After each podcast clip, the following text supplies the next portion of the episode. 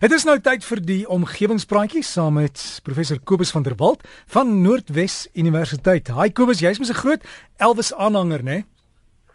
Môre Derek, môre al die omgewingsvriende. Uh ja, jong, Elvis se musiek is dit nogal baie meer om die lyf as wat 'n mens, jy weet, sommer so op die oog af altyd hoor.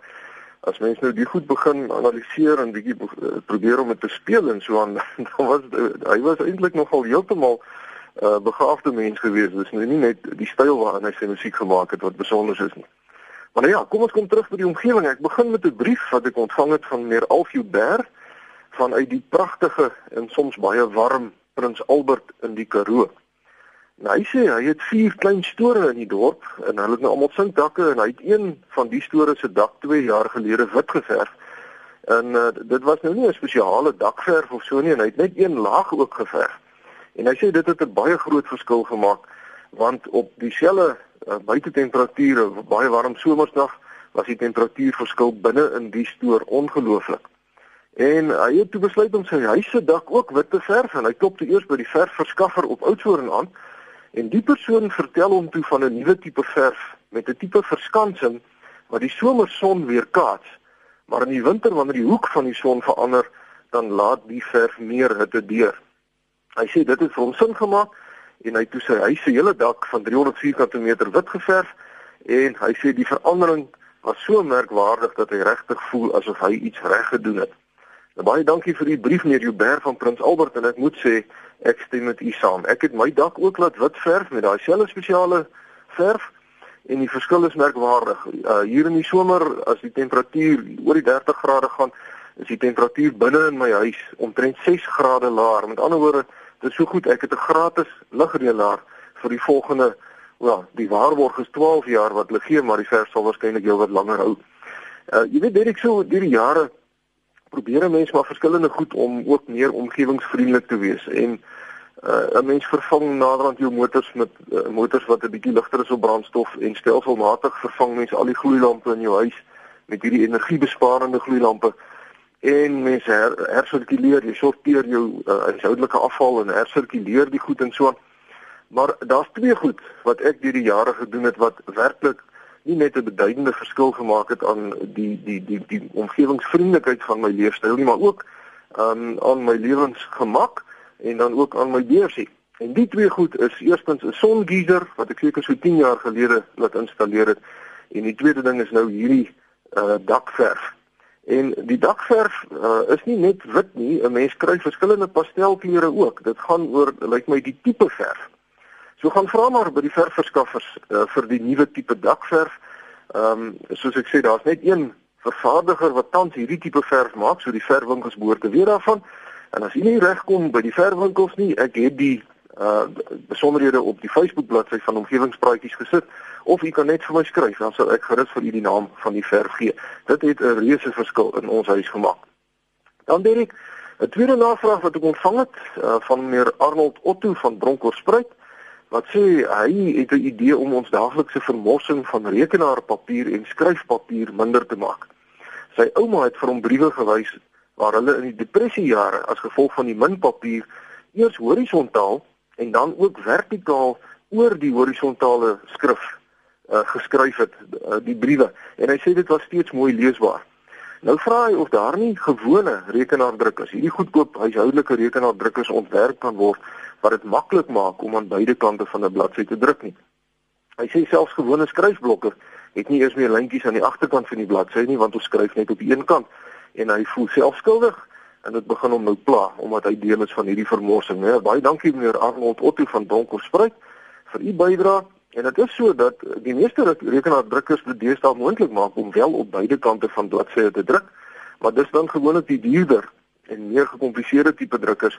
En ek stem saam dat dit dan eintlik baie lekker sal wees as mense 'n goedkoop drukkertjie kan koop waar mense net 'n knoppie op die rekenaar op die drukker self kan druk sodat hy dan maklik op beide kante van die papier druk.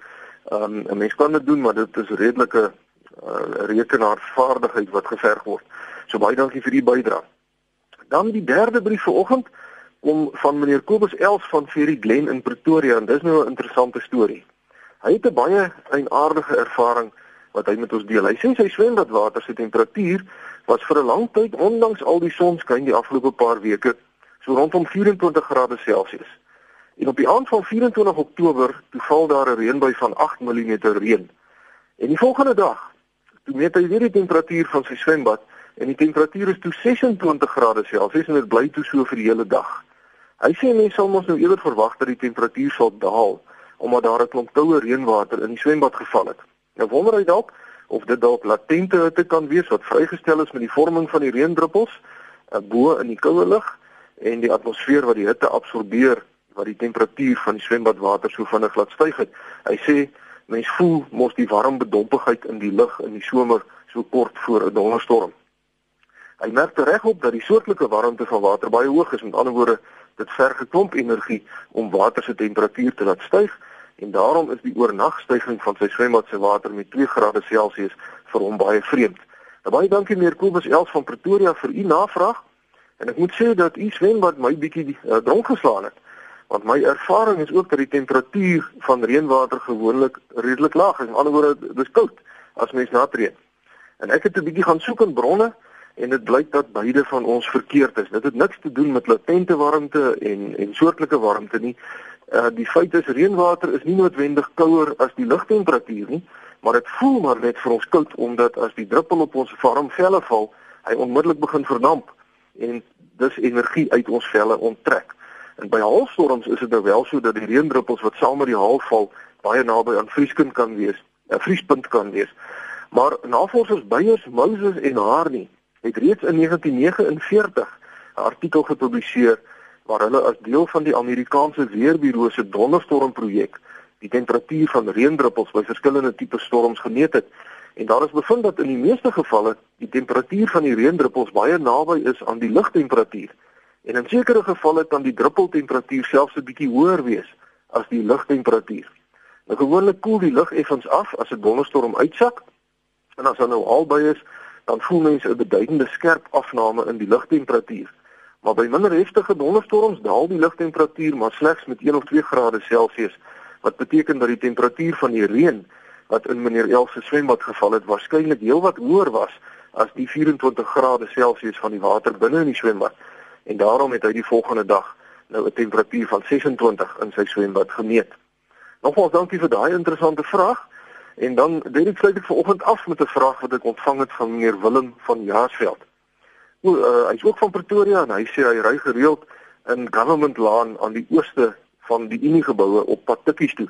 En daar is verskeie eiendomme wat met bougainvillea heininge ehm um, toegerus is of aangeplant is wat natuurlik die tyd van die jaar baie mooi is en hy sê al die kleure van die reënboog kom nou in daardie straat voor. En so twee weke terug het 'n spesifieke blom trossie sy oog gevang en hy het toe gestop en 'n paar foto's geneem.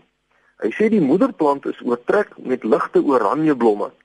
Maar dan is daar een spesifieke takkie aan dieselfde plant wat oranje en helder pink blomme het. Nou vra hy of dit raar is en hoe die verskillende kleure blomme aan dieselfde plant verklaar kan word. Baie dankie vir die vraag meneer van Jaarsveld. En ek is nou glad nie 'n plantkenner nie, maar ek het 'n bietjie op die internet gaan rondsoek en ek het toe agtergekom dat daar eintlik verskeie variëteite bougainvillas is waar daar twee of selfs drie verskillende kleure dekblare op dieselfde moederplant kan voorkom. In sekere variëteite wat nou slegs een kleurblom dra, kan dit ook gebeur dat die blomme nie almal op dieselfde tyd hulle volle kleur vertoon nie en die ouer blomme verloor dan hulle kleur wat dit dat uh, wat dit dan nou laat lyk asof daar twee verskillende kleure blomme aan dieselfde plant voorkom. Nou presies wat die geval was by die uh, plant wat u gesien het, weet ek nou nie, maar dit lyk vir my dis nie 'n baie buitengewone ding wat hier gebeur nie, maar baie geluk met u fyn waarnemingsvermoë. Ek wonder hoeveel ander mense wat in government laan elke oggend ry, het nou al die veelkleurige boude villas uit hulle motoras motors raak gesien. En daarmee sluit ek dan nou af vir oggend omgewingsvriende, u kan gerus vir my skryf by kobus.vanderwalt@nwu.ac.za of u kan op die internet gaan kyk na omgewingspraatjies se Facebook bladsy. Vriendelike groete tot 'n volgende keer. Okay Kobus, lekker naweek vir jou en iemand sê asseblief volgende naweek as jy net vir ons kan sê hoe om kokkerotte op 'n omgewingsvriendelike manier uit te roei. Derek, ek weet nou nie of 'n omgewingsvriendelike manier is nie, maar ek sal gaan kyk. Ek sal 'n bietjie ek wil die ding net vrekslaan want dis darem maar 'n aardige ding in 'n huis. 'n Grillerige storie. So onthou volgende week te luister na Prof Kobus en as jy wil e-pos is kobus.vanderwalt by nwu.ac.za. En as jy al reeds vir ons raad het, gaan loer by die omgewingspraatjies, die meervoud, omgewingspraatjies Facebook bladsy. Miskien kan jy vir ons enigting daar plaas.